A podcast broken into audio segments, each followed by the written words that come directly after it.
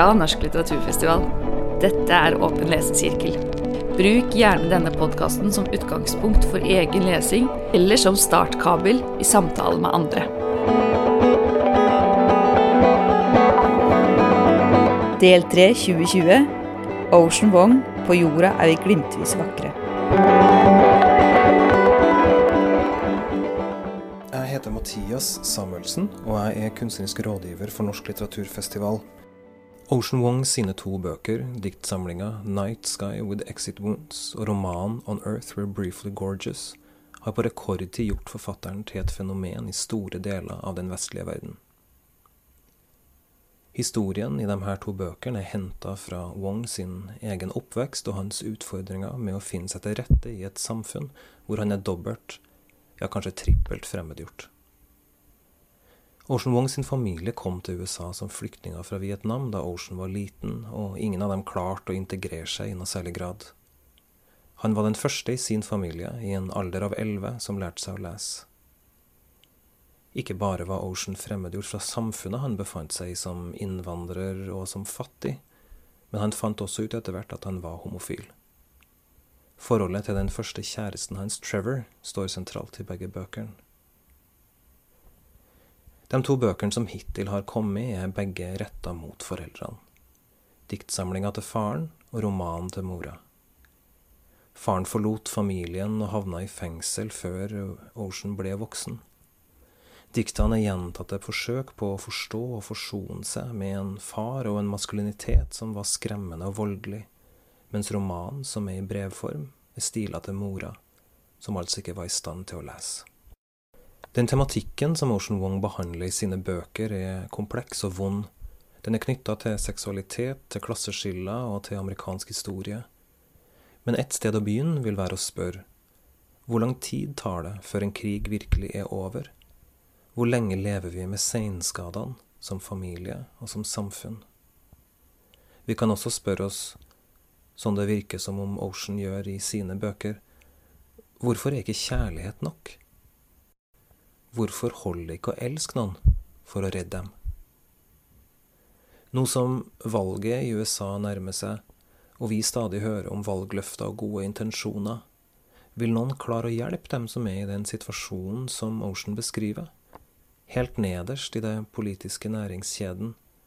Eller er det ikke håp for det amerikanske systemet?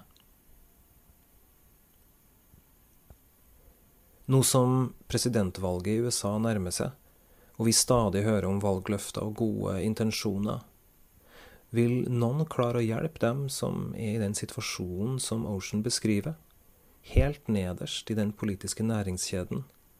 Eller er det ikke håp for det amerikanske systemet? Selv om Ocean Wong er en mester i å skrive vakkert om det vonde og søke skjønnhet i de verste handlingene, så bør vi ikke glemme at han og hans familie er en av mange og at den historien som Ocean forteller i diktform og i romanform, er hverdag for millioner av mennesker. Kanskje de her bøkene også kan si oss noe om utenforskap her i Norge? Kanskje skal vi huske at mange av dem som kommer til oss som flyktninger, har familier som har opplevd forferdelige ting, og at de her erfaringene sitter i, i generasjon etter generasjon.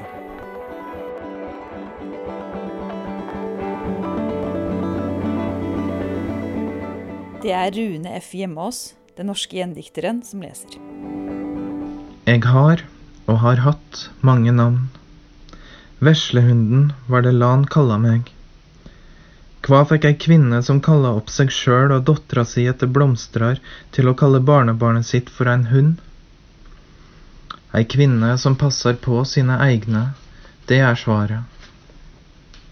Som du veit, blei et barn, ofte den minste eller svakeste i flokken, slik jeg var, i den landsbyen der Lan vokste opp, gitt navn etter de mest vederstyggelige ting. Demon, barneskrømt, grisetryne, apeunge, bøffelhoved, kjøter. Veslehunden var et av de mer forsiktige fordi da ville vonde ånder som streifa rundt i landet på jakt etter friske og vakre barn, høyre navnet til noe avskyelig og uhyggelig bli ropt inn til middag, og reise forbi huset slik at ungen blei spart. Å elske noe er derfor å kalle det opp etter noe som er så verdiløst at det vil bli værende urørt og i live. Eit navn, tynt som luft, kan også være eit vern, eit veslehundvern. Jeg tenker på skjønnhet igjen, korleis nokre ting blir jakta på fordi vi har bestemt at de er vakre. Hvis ett enkelt liv i forhold til planeten vår si historie er så kort, et blunk, sier de, så er det å være vakker, sjøl fra den dagen du blir født til den dagen du dør, bare å være vakker glimtvis. Som akkurat nå, når sola kommer fram, låg bakom almene, og jeg ikke greier å se forskjellen på solnedgang og soloppgang. For meg ser den raudnande verda lik ut og jeg mister oversikta over øst og vest. Fargene denne morgenen har frynsete toner av noe som allerede er på vei bort. Jeg tenker på den gangen Trev og jeg satt på taket til reiskapsbua og så sola søkke. Det var ikke effekten som overraska meg, at sola i løpet av et par smadra minutt forandrer hvordan vi ser ting, inkludert oss sjølve men at dette i det hele var noe jeg skulle få se. Fordi solnedgangen, akkurat som ei overleving, bare eksisterer på randa av si egen forsvinning. For å være vakker må du først bli sett, men å bli sett er også å kunne bli jakta på.